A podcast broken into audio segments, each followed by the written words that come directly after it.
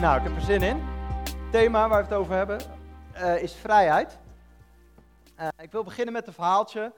Zondagochtend om een uur of uh, acht. Een moeder is beneden. Hij roept naar boven, naar haar zoon. Opschieten, opschieten, de kerk gaat beginnen. Naar beneden komen. Dus die, die zoon die schreeuwt naar beneden. Doei, ik heb echt geen zin vandaag. Dus die moeder die schreeuwt om kwart over acht. Schiet op, schiet op, straks komen we nog te laat. Hup, naar beneden, aankleden, moet op tijd zijn in de kerk. En die zoon, ah, echt niet, echt niet, ik heb vandaag echt geen zin. Dus die moeder die schreeuwt, het moet, het moet. Dus die zoon die schreeuwt naar beneden en die zegt van, geef me eens drie goede redenen. Drie goede redenen waarom ik naar de kerk moet vandaag. Dus die moeder denkt na, nou één, uh, God wil het. Uh, twee, ik wil het. En drie, uh, jij bent dominee. Yes. We gaan het vandaag hebben over wetticisme. Vrijheid over wetticisme. Betekent niet dat ik zeg vrijheid over regels en instructies van God, maar vrijheid over wetticisme. Nou, wat is wetticisme? Wat is de definitie van wetticisme? Wetticisme is eigenlijk de manier in je denken vooral en daardoor ook in je handelen, dat je denkt, ik moet de liefde van God verdienen.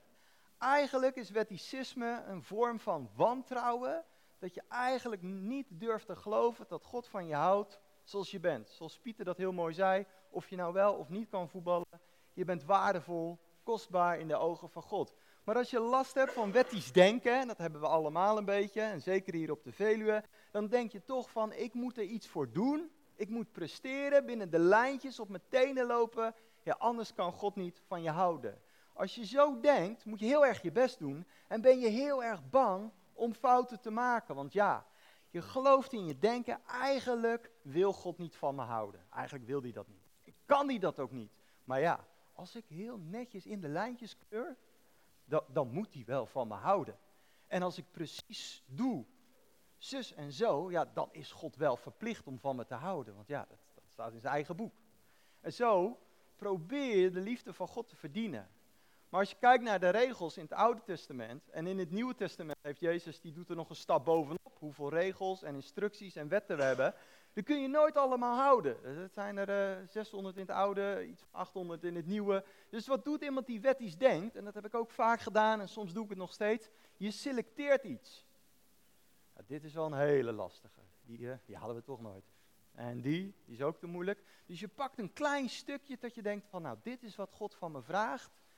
10, 20 regels. En als je je er maar aan houdt, ja, dan voel je je goed en denk je, God houdt van me, ik kom in de hemel. Dus dan hangt het allemaal van jou af. Je, en dan ga je heel erg denken met een soort scoresysteem. Wat Maarten eigenlijk ook al een beetje zei aan het begin van deze serie. Hele mooie preek. Als je hem niet hebt uh, geluisterd, je kunt hem downloaden in je vakantie. Lekker luisteren. Goeie, mooie preek. Maar toen zei Maarten ook van het is een scoringssysteem van oordeel. Dat je dus denkt van als iemand iets wel doet, wat jij ook belangrijk vindt, dan krijgt hij een paar pluspunten. En als iemand iets doet wat je denkt van ja, dat kan helemaal niet, dan gaat er weer wat puntjes af. En zo ben je voortdurend aan het beoordelen. Oh, die komt niet op de gebedssamenkomst. Oh, maar die heeft wel een boek van Bill Johnson gelezen. Punt eraf, punt erbij. Oh, die denkt zo en zo over Israël. Oh, dat, dat denk ik ook. Hup, vier punten erbij. Oh, maar zijn eindtijd. Denk jij nou zo? Hup, wat punten eraf. En zo ben je voortdurend aan het bezig in je denken van plus en min, plus en min. En wat houdt dat je tegen om onvoorwaardelijk lief te hebben? Dus als jullie weten werk ik in de hulpverlening en kom ik allemaal mensen tegen, um, van, van transgenders tot, tot, tot pedofielen, tot andere personen. En in mijn werk, ik, ik moet gewoon dienen en, en lief hebben. Ongeacht wat, wat die ander voor keuzes maakt. Soms maakt hij keuzes waar ik van denk van, zo, dat kan ik echt niet accepteren en respecteren bijna. Maar in mijn, uh, toch leert God mij in mijn werk om die ander te dienen en lief te hebben, buiten mijn eigen kaders om. Dat is een heel avontuur. Um, dus aan de ene kant heb je dat wetticisme. Je moet wat doen en je moet je strak aan de regels houden. Aan de hele andere kant van wetticisme heb je wetteloosheid. Losbandigheid, bandeloosheid. Alles kan, alles mag, alles is genadig. God, ah, stelen, uh, diefstal, uh, roddelen, laster. God snapt het allemaal wel. Dus het bloed van Jezus en het kruis, het maakt allemaal niet uit. Dat heilig leven is Oud Testament, weet je. We doen gewoon lekker wat zin in, wat we leuk vinden, wat goed voelt. De ticket in de hemel, weet je, daar gaat het om. Dat is wetteloosheid. Maakt me niet uit hoe ik mijn broeder behandel, hoe ik over mijn zuster spreek. Alles kan, alles mag. Dat is wetteloosheid. En ik heb heel lang gezocht en nog steeds van, wat is het nou? We leven niet onder het wettische, gebukt, maar we staan ook niet boven de wet, van dat we maar kunnen doen wat we willen. Nee, wat is het? En Jezus zegt eigenlijk, ik geef jullie een nieuwe wet. Je hoeft niet boven de wet te staan, je hoeft niet onder de wet te staan. Je mag in de wet lopen en dat is mijn navolgen. En dat is de wet van liefde, die hoger is dan, dan, dan alle wetten. Jezus zegt, als je lief hebt, mij, Jezus, en je naaste, dan heb je alles vervuld. Dus het perspectief is voortdurend dat we niet onder de wet staan of boven de wet, maar dat we volgen in het voetspoor van Jezus. Maar ehm, soms is dat best wel lastig en kan je heel erg discussiëren. Van welke films mag je wel kijken, welke films niet. Hoeveel uur voetbal mag je kijken? Ja? Als je nou dag en nacht voetbal kijkt, is dat dan niet een afgod? Wat kan wel, wat kan niet? En ik heb heel veel discussies gevoerd. Sommige waren nuttig, heel veel waren onnuttig. Van wat kan wel, wat kan niet. En dan ben je heel veel bezig met regels in plaats van relatie. En ik weet wel, ik kom een beetje uit de zware kerk, waar ik ook veel geleerd heb. En, en liefde voor het woord en andere dingen. Maar een van de dingen die mijn ouders heel belangrijk vonden, was de zondagrust. Dat was echt super heilig. Weet je, je mocht niet uh, voetballen, je mocht niet voetbal kijken, geen radio, geen tv, niet met de trein, al dat soort dingen was nou dan. Dat was omdat zij dachten, vanuit een oprechte intentie, zo eer ik God. Mijn, mijn, uh, mijn opa en mijn oma waren fantastische mensen en die wouden echt God lief hebben. En zij droegen bepaalde kleding. Waarom? Uit liefde voor God. Daar hoef ik niet over te oordelen dat ze altijd zwarte kleren droegen. Dat deden ze echt vanuit, ik heb dat eens een keer gevraagd. En ze hoorden echt wel Gods stem, dat was super mooi. Ze leefden met God, maar ze dachten, hiermee eer ik God. Mijn ouders hadden dat met die zondag, zo eer ik God. En toen was ik een jaar of twintig en het is dan heel goed om alles te onderzoeken wat je ouders hebben geleerd, van wat wel, wat niet. En ik weet nog wel dat een aantal uh, vrienden van mij, uh, helemaal vol van God, en die zeiden, zondag, kijk, kijk die en die teksten, je mag gewoon winkelen en je mag gewoon naar de McDonald's. Nou, ik vond het heel lastig en heel moeilijk. En op een gegeven moment ging ik me erin verdiepen, om zelf te onderzoeken wat zegt de Bijbel. En ik denk, het mag wel. Dus toen vroeg op een gegeven moment een vriend van mij, Ranier, kom, we gaan zondagmiddag naar de kerkdienst, gaan we samen naar de McDonald's. Ik vond dat spannend, joh. Ik denk, straks mag het toch niet van God en dan word ik gebarbecued. Maar hij zegt, zegt, er is vrijheid, het mag, dit en dat. Nou, ik weet het echt nog heel goed. Voor mij was dat echt een big deal. Ik ga nu tegen God, weet je. Dus ik echt heel snel naar die McDonald's toe. Ik een hamburger. Nou, ik heb binnen twee seconden die hamburger opgegeten. Want ik denk, God, dan, dan ziet God het bijna niet, weet je. Hap, hap, hap, slik weg, weet je. Hopen dat God even in zijn gedachten in Israël is en deze hamburger niet heeft gezien. Maar goed, ik heb het overleefd.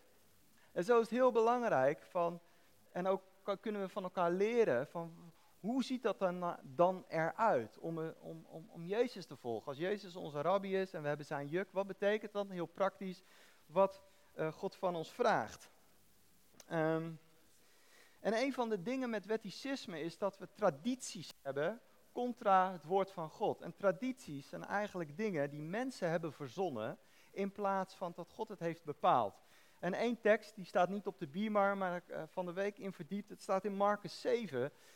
Vers 13, gaat Jezus een gesprek aan met de fariseeën en de Sadduceeën, want die zeggen allemaal, Jezus, je leeft niet volgens de geboden. Jezus leeft natuurlijk wel volgens de geboden van God. Hoe kon hij anders naar het kruis gaan? Hij leefde exact.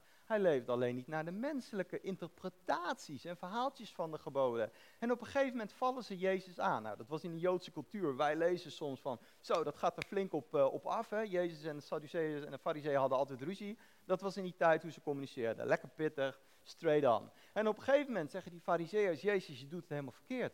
Want je doet niet zus, je doet niet zo. En dan zegt Jezus, weet je, jullie praten met je lippen over God dienen. Maar je handen, je praktijk, je doet het helemaal niet. Het gaat om je hart. Het om wat je uitvoert. Het gaat niet zozeer om de buitenkant, het gaat om de binnenkant. Komt het uit je hart? En dan zegt Jezus het zo mooi. Jullie, jullie lippen beleiden God, Abba Vader en, en maar je hart is verre van mij. En dan zegt hij van in Marcus 7 van, u stelt op een mooie manier de geboden van God opzij. Waarom? Om je eigen tradities te boven te stellen. Jezus heeft niks tegen tradities, echt niet. Hij kan daarmee dealen. Hij staat relaxed onder. Beter dan wij, denk ik. Maar Jezus zegt, als het om tradities gaat of het woord van God, dan gaat het om het woord van God. Tradities, als ze tegen het woord van God gaan, ja, tradities aan de kant. Weg ermee. Maar als tradities niet in conflict zijn met het woord van God, dan mag je die gewoon onderhouden. En dat is wat Jezus zei. Jullie vinden tradities belangrijker dan het woord van God. Ik wil één gedeelte lezen. Uh, Matthäus uh, 23. Hij komt er ook op als het goed is. Ja. En Jezus zei tegen de mensen en zijn discipelen: De godsdienstleraars en de fariseërs moeten de wet van Mozes handhaven. U moet precies doen wat zij zeggen, maar hun voorbeeld mag u beslist niet volgen. Ze doen niet wat zij zeggen. Ze leggen mensen enorme last op, maar steken er zelf geen vinger naar uit. Alles wat zij doen is om op te vallen.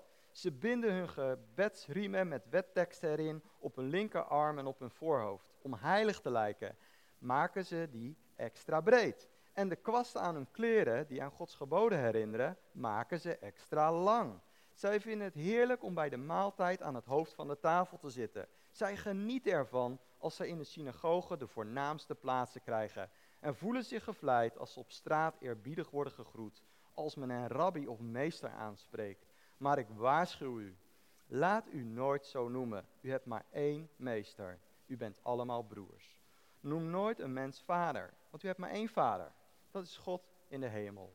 Laat u ook nooit leider noemen, want u hebt maar één leider. En dat ben ik, de Christus. Hoe nederiger u anderen dient, hoe groter u bent. Wie trots is, zal worden vernederd. En wie nederig is, die zal worden verhoogd. Jezus heeft niks tegen regels. De, God heeft regels bedacht voor gezondheid. Het is nooit dat, je, dat God dacht van, ik ga heel veel regels maken en dan worden ze lekker lastig en moeilijk en benauwd en dan gaan ze naar de hemel verlangen. Nee, elke gedachte die God in regels, instructies heeft gegeven, komt voort vanuit zijn brandende passie dat het goed gaat met jou en met je omgeving. Denk aan het verhaal van de stoplichten. Ik heb een haat-liefde verhouding met stoplichten. Rood haat ik hem, groen hou ik van hem. Maar het is nodig om het goed te laten gaan, zodat we een veilig verkeersklimaat hebben.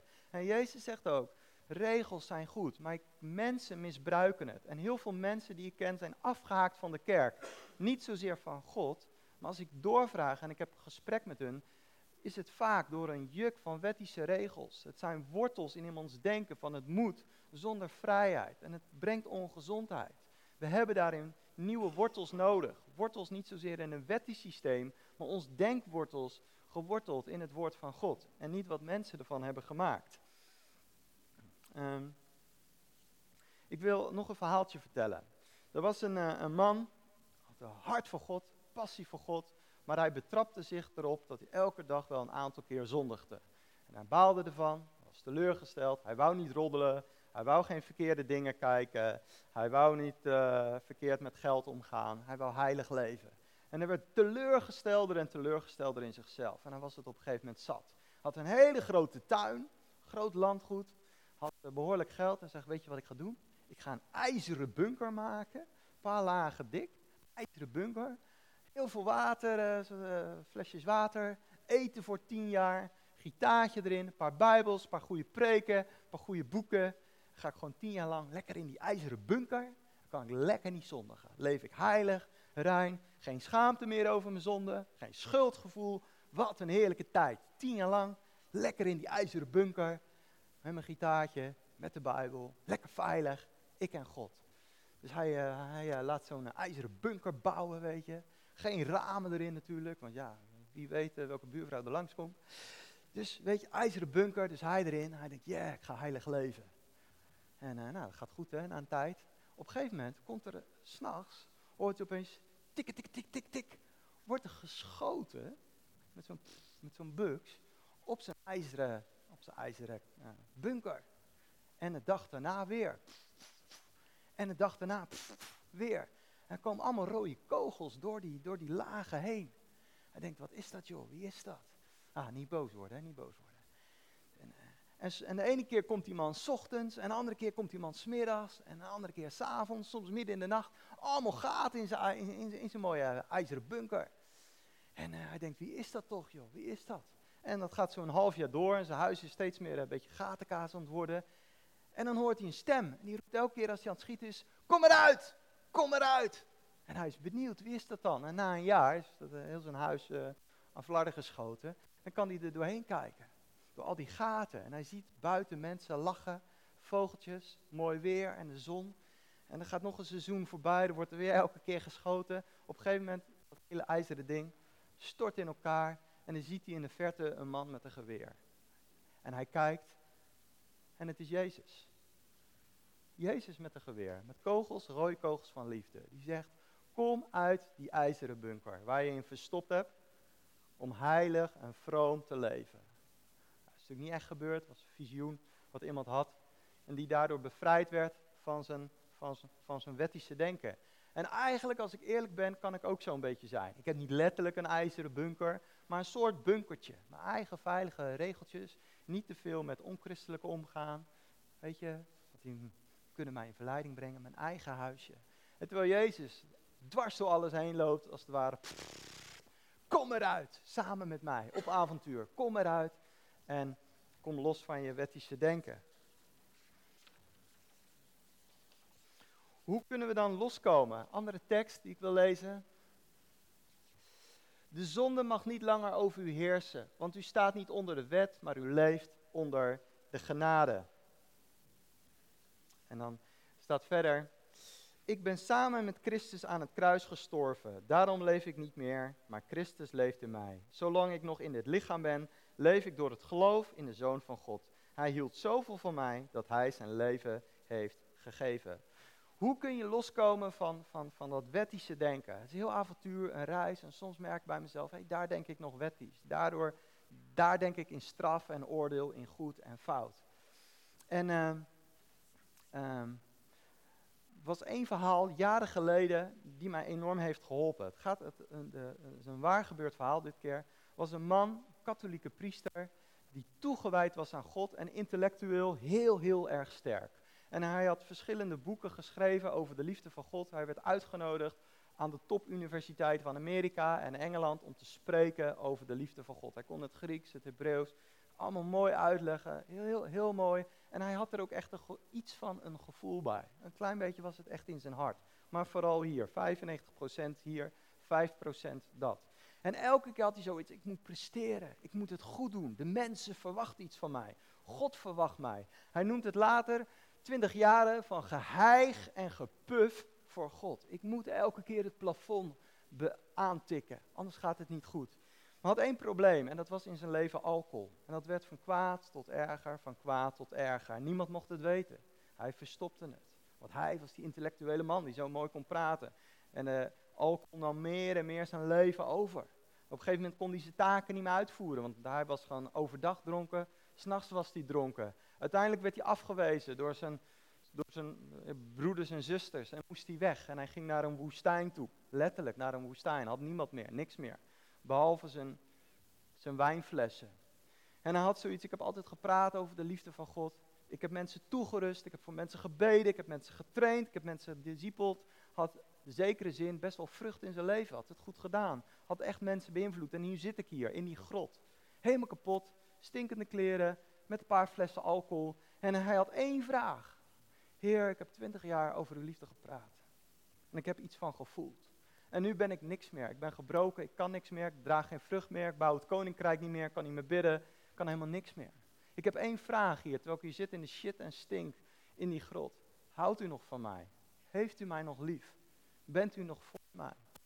En op dat moment, zei hij later, toen ik dat zei, van ik ben niks. Hij zegt, voelde ik zoveel liefde van God. En begon God tot mij te spreken. Heel diep. Ik kreeg hij een openbaring van God. Van, dat Jezus zei, ik verliet het hart van de Vader om bij jou te komen, zodat ik jouw vrouw vrij kon maken. En toen zei hij nog wat dingen. Hij zegt, en dat 5% hier, uh, dat 5% hier in mijn hart explodeerde naar, naar 80%. Hij zegt, en op dat moment wou ik nog maar één ding. Die liefde van God, wist ik, daar wil ik in leven, daar wil ik in verblijven, daar wil ik uit drinken, niet om verdienen. En hij zegt, ik ben een radicale liefhebber van God. En God heeft hem hersteld om uiteindelijk weer te spreken op universiteiten, boeken te schrijven, te verfilms, um, films van zijn leven. Uh, Rick Mullens, een oude aanbiddingsleider, was een van zijn vrienden met wie hij toerde. En dat hij zei, maar ik, nu weet ik, Het gaat niet om wie ik ben, of wat ik allemaal weet, maar dat God gewoon van mij houdt. En dat heeft zijn leven veranderd. Dat vind ik fantastisch. Ehm, en dat doet me denken aan een, aan een verhaal uit de Bijbel. Het, verhaal dat jullie allemaal kennen, met een paplepel als je christelijk bent opgegroeid, in, uh, meegegeven. Dat is het verhaal van de verloren zoon. Beter eigenlijk de passievolle vader. Want het gaat niet zozeer om die zoon, het gaat om die passievolle vader. En wat heel belangrijk is om te weten, is Jezus gebruikt de voorbeelden van alle dag. Zoals wij nu films hebben en, spelletjes, zo gebruikt, en wat, dat we allemaal weten, zo gebruikte Jezus dat ook. En in dat verhaal van die verloren zoon gebruikt hij een ceremonie wat heel goed bekend was daar. En dat is de Kazassa, ik weet niet of ik het goed uitspreek, maar de Kazassa-ceremonie. En dat was een werkelijke ceremonie. In de Joodse tijd had je een, een leefde je als een soort dorp hè, bij elkaar met stadsmuren. En dan had je ook oudsten van de, van, van, van, de, van de community. Dat waren eigenlijk de geestelijk vaders, de raad de, de, de, van, van zo'n dorp. En die hadden toezicht dat het leefklimaat uh, goed was. Zij hadden als taak, als verantwoordelijkheid om toezicht te houden als een opziener dat dat dorp goed functioneerde. En ze bemoedigden mensen, spoorden mensen aan, gaven het goede voorbeeld. Maar in zo'n community was ook dat zij het oordeel hadden. Dat betekent, als er iets misging, moesten zij straffen, moesten bij corrigeren. Zij hadden het leiderschap letterlijk in zo'n dorp. En had je, als er een zoon, vooral zonen, een, iets deed wat echt de familienaam aantastte, dan kwam daar een zwaar oordeel. En dat noemden ze de Kazassa-ceremonie. En dan, als iemand dan wegging, zoals die verloren zoon wegging en zei, pa, uh, de, uh, ik wou dat je al dood was, want ik wilde erfenis. En die zoon ging weg. Dan mocht hij wel terugkomen, maar dan was daar de ceremonie die uitgevoerd werd. En dat was een ceremonie van oordeel. En dat was zo pijnlijk, dat was zoveel afwijzing, dat de meeste mensen, de meeste zonen, daardoor nooit terugkwamen. En hij had dan eigenlijk een hele grote pot. En als zo'n zoon dan in de verte terugkwam, dan liepen die leiders er naartoe, pakten zo'n pot en die zei, dit ben jij. Nou, ik schrijf even als voorbeeld de naam Oscar op. Sorry, is overlegd hoor. Hij moet me vergeven van de Bijbel. Oscar, Oscar, die ben jij. Je was heel en je was goed en mooi toen je nog bij je vader woonde. Weet je, toen was je heel en mooi. En hoorde je bij ons, was je een van ons. We vonden je geweldig en kostbaar. Maar na wat jij hebt gedaan, dat je ons verlaten hebt. Joh, je hebt ons hart gebroken. Je hebt de community gebroken. Je hebt de eer aangetast. En dit ben jij. En dit is wat jij gedaan hebt met ons. En dit, dit is wat je bent voor ons. Dit is wat je bent. Je bent niks meer.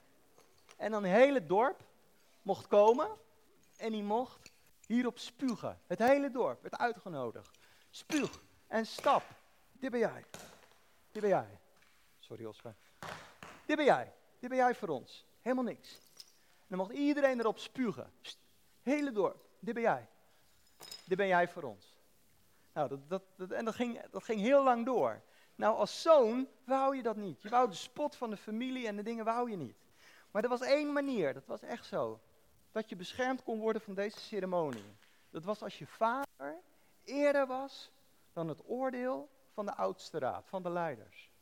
Dus dat was soms spannend. Van als die oudsten dan op de uitkijk stonden van nou, het is een week dat hij pleit is, misschien komt hij nu wel terug.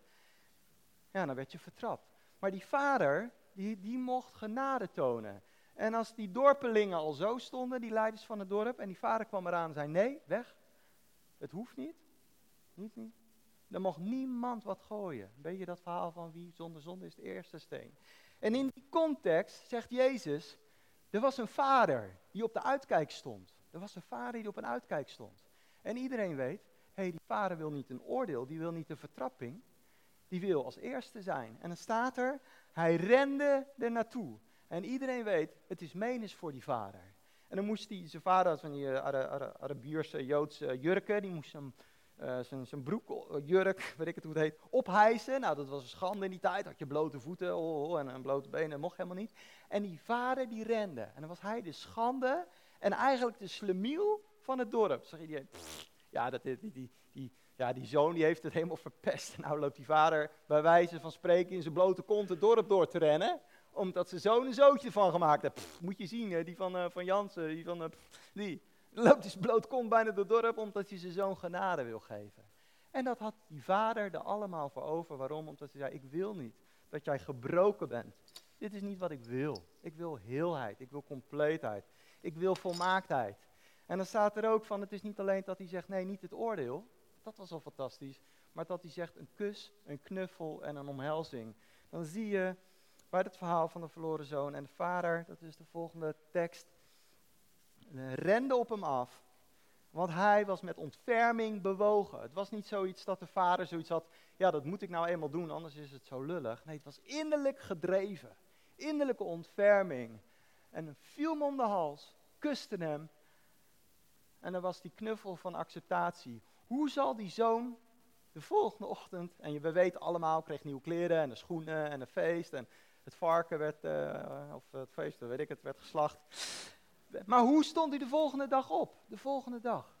Als iemand iets fout deed, was het dan foei, foei, foei? Ik denk dat die gast zo gedreven en vol was van liefde.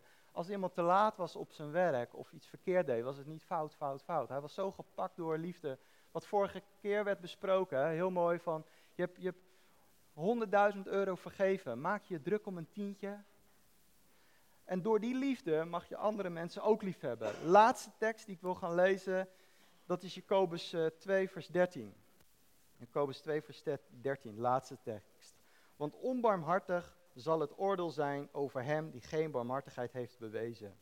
En de barmhartigheid triomfeert over het oordeel. Het oordeel betekent zowel crisis in het Grieks, uh, in ja, het Grieks als vonnis. Dus oordeel betekent, letterlijk staat daar krijsels, en dat betekent crisis, maar dat betekent ook vonnis. Een, een, oordeel over iemand kan een crisis zijn en ook, een, en, een, en, en, en ook inleiden. Dus barmhartigheid triomfeert over het oordeel. Het laatste verhaaltje is een waargebeurd verhaaltje van een goede vriend van mij. Heel christelijk opgevoed in een fantastisch uh, evangelisch gezin. Warm, zijn ouders waren zendeling. Hard voor de Heer, hard voor het woord. Maar hij kwam in zijn puberteit in een enorme identiteitscrisis, wist het niet meer. En ondanks een fantastische opvoeding heeft hij toen God losgelaten. Op een gegeven moment ging hij ook het boeddhisme in, kreeg hij een uh, vriendinnetje, zwaar ongelovig, beetje, die speelde ook in een rockband en een beetje die wereld. En uh, alles wat die vader wou voor zijn zoon, dat kwam niet uit. Was, was teleurgesteld. En zijn zoon die zei op een gegeven moment, pa, ik weet dat je altijd uh, gesproken hebt en bijbelstudies hebt gegeven en, en, en, lezingen over geen ongelijk span met een ongelovige. Ik weet dat je fel was tegen seks voor het huwelijk. Maar ik ga samenwonen met dat en dat meisje. Ik ga samenwonen. En ze kent God niet en we doen allemaal dingen die jij nooit mij hebt geleerd. Maar dat is wat ik ga doen. En zijn vader heel zijn leven opgeofferd voor God, voor de koninkrijk, voor de kerk. Zijn zoon die dat zei. Hè? Waar gebeurt? En die vader dacht van hoe kan ik in verbinding blijven met mijn zoon? Dus zij gingen samenwonen, sleutels van een nieuw huis. Hij met die ongelovige meid. En weet je wat hij kreeg van zijn vader? Hij kreeg een heel mooi pakket met een uh, dekbedovertrek voor twee personen. En toen hij dat opende, had hij zoiets, dit is, mijn daad keurt mijn vader echt af. Totaal, 100%, radicaal. Maar hij houdt van mij, gunt me het beste. En hij heeft uh, jaren geslapen onder dat tweepersoons uh, dekbed. En toen op een gegeven moment ging die relatie uit en ging hij naar India. Waarom? Omdat hij dieper, God wou, uh, nee, dieper het boeddhisme wou leren kennen. En hij raakte in de leer van Gandhi en dan heb je ongeveer 900 stappen om verlicht te worden in het boeddhistische. En hij was er best wel goed in, in concentreren, mediteren en al dat soort dingen. Dus hij bereikte stap, na een jaar bereikte hij stap 999 bereikte hij. Maar die honderdste stap, die kon hij niet maken. En dat zou de verlichting en de doorbraak en dan weet ik het wat zijn. Die honderdste stap kon hij niet maken. Toen was hij in het huis in de buurt van Gandhi, in het Gandhi-dorp. En er lag een boekje en er stond, als jij die honderdste stap niet kan maken, dan mag je hopen dat God of uh, Boeddha in een kleine vorm naar jou toe komt. En toen las hij dat. En toen dacht hij, ja, maar dat is eigenlijk het evangelie. Dat God eigenlijk in een kleine vorm naar ons komt. En opeens besefte hij het. Het, was, het is niet Boeddha, het is niet, het is Jezus. En hij zegt, hij had zelf vies kleren aan, omdat hij een tijdje in het rondreizen was in India, daar word je vies. En hij knielde neer en hij zegt, Jezus, ik wil terug naar u. Ik wil u weer kennen, zoals ik vroeger kende. Ik wil u weer. Ik wil u weer. Ik wil niks met Boeddha. Het is u die naar mij komt. Ik kan niet naar u toe komen. Ik heb alles geprobeerd. U moet naar mij toe komen. Jezus, u bent. En zo kwam hij door een boeddhistisch boekje kwam hij tot geloof en ervaarde die Jezus. Kwam terug naar Nederland, vergeving uitgesproken, gedoopt, vervuld met Heilige Geest. Fantastische kerel geworden. Nu een bediening vanuit Nederland voor India en Cameroen. Maar hij zei, er zijn verschillende sleutels geweest die mij terug hebben geleid naar God. Maar dat dekbed is wel een hele belangrijke sleutel geweest. Dat liefde triomfeert over oordeel. Wil uh, afsluiten. Als je merkt in je denken, ik zit nog zo wettisch vast wat ik wel en niet goed kan doen in de ogen van God, willen we echt graag voor je bidden. We willen bidden dat God dat wettische denken van ik doe het fout en verkeerd bij God, dat God dat vrijzet. Betekent niet wetteloosheid of bandeloosheid, maar zonder schuld, zonder schaamte, zonder juk uh, gaat leven. Misschien uh, kan het gebedsteam naar voren komen. En dan wil ik bidden. En laat voor je bidden.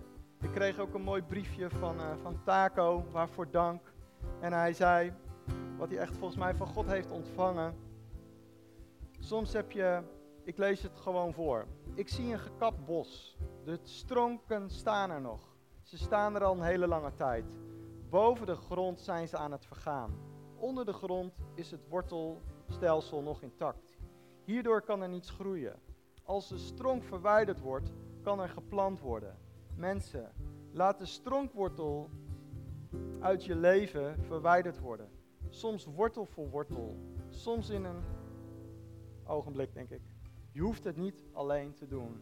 Dus wortels in je denken die veranderd mogen worden. Ik wil uh, bidden. En uh, als je naar voren wil komen voor gebed of later nog praten. Wetticisme, het presteren voor God om liefde te krijgen, is iets groots in, in het denken. Vader, ik wil u danken, Heer, dat u van ons houdt zoals we zijn. Dank u wel voor uw onvoorwaardelijke liefde. Dat u geen rekenboek in de hemel bijhoudt van plussen en minnen, maar dat het uw hart is om ons lief te hebben.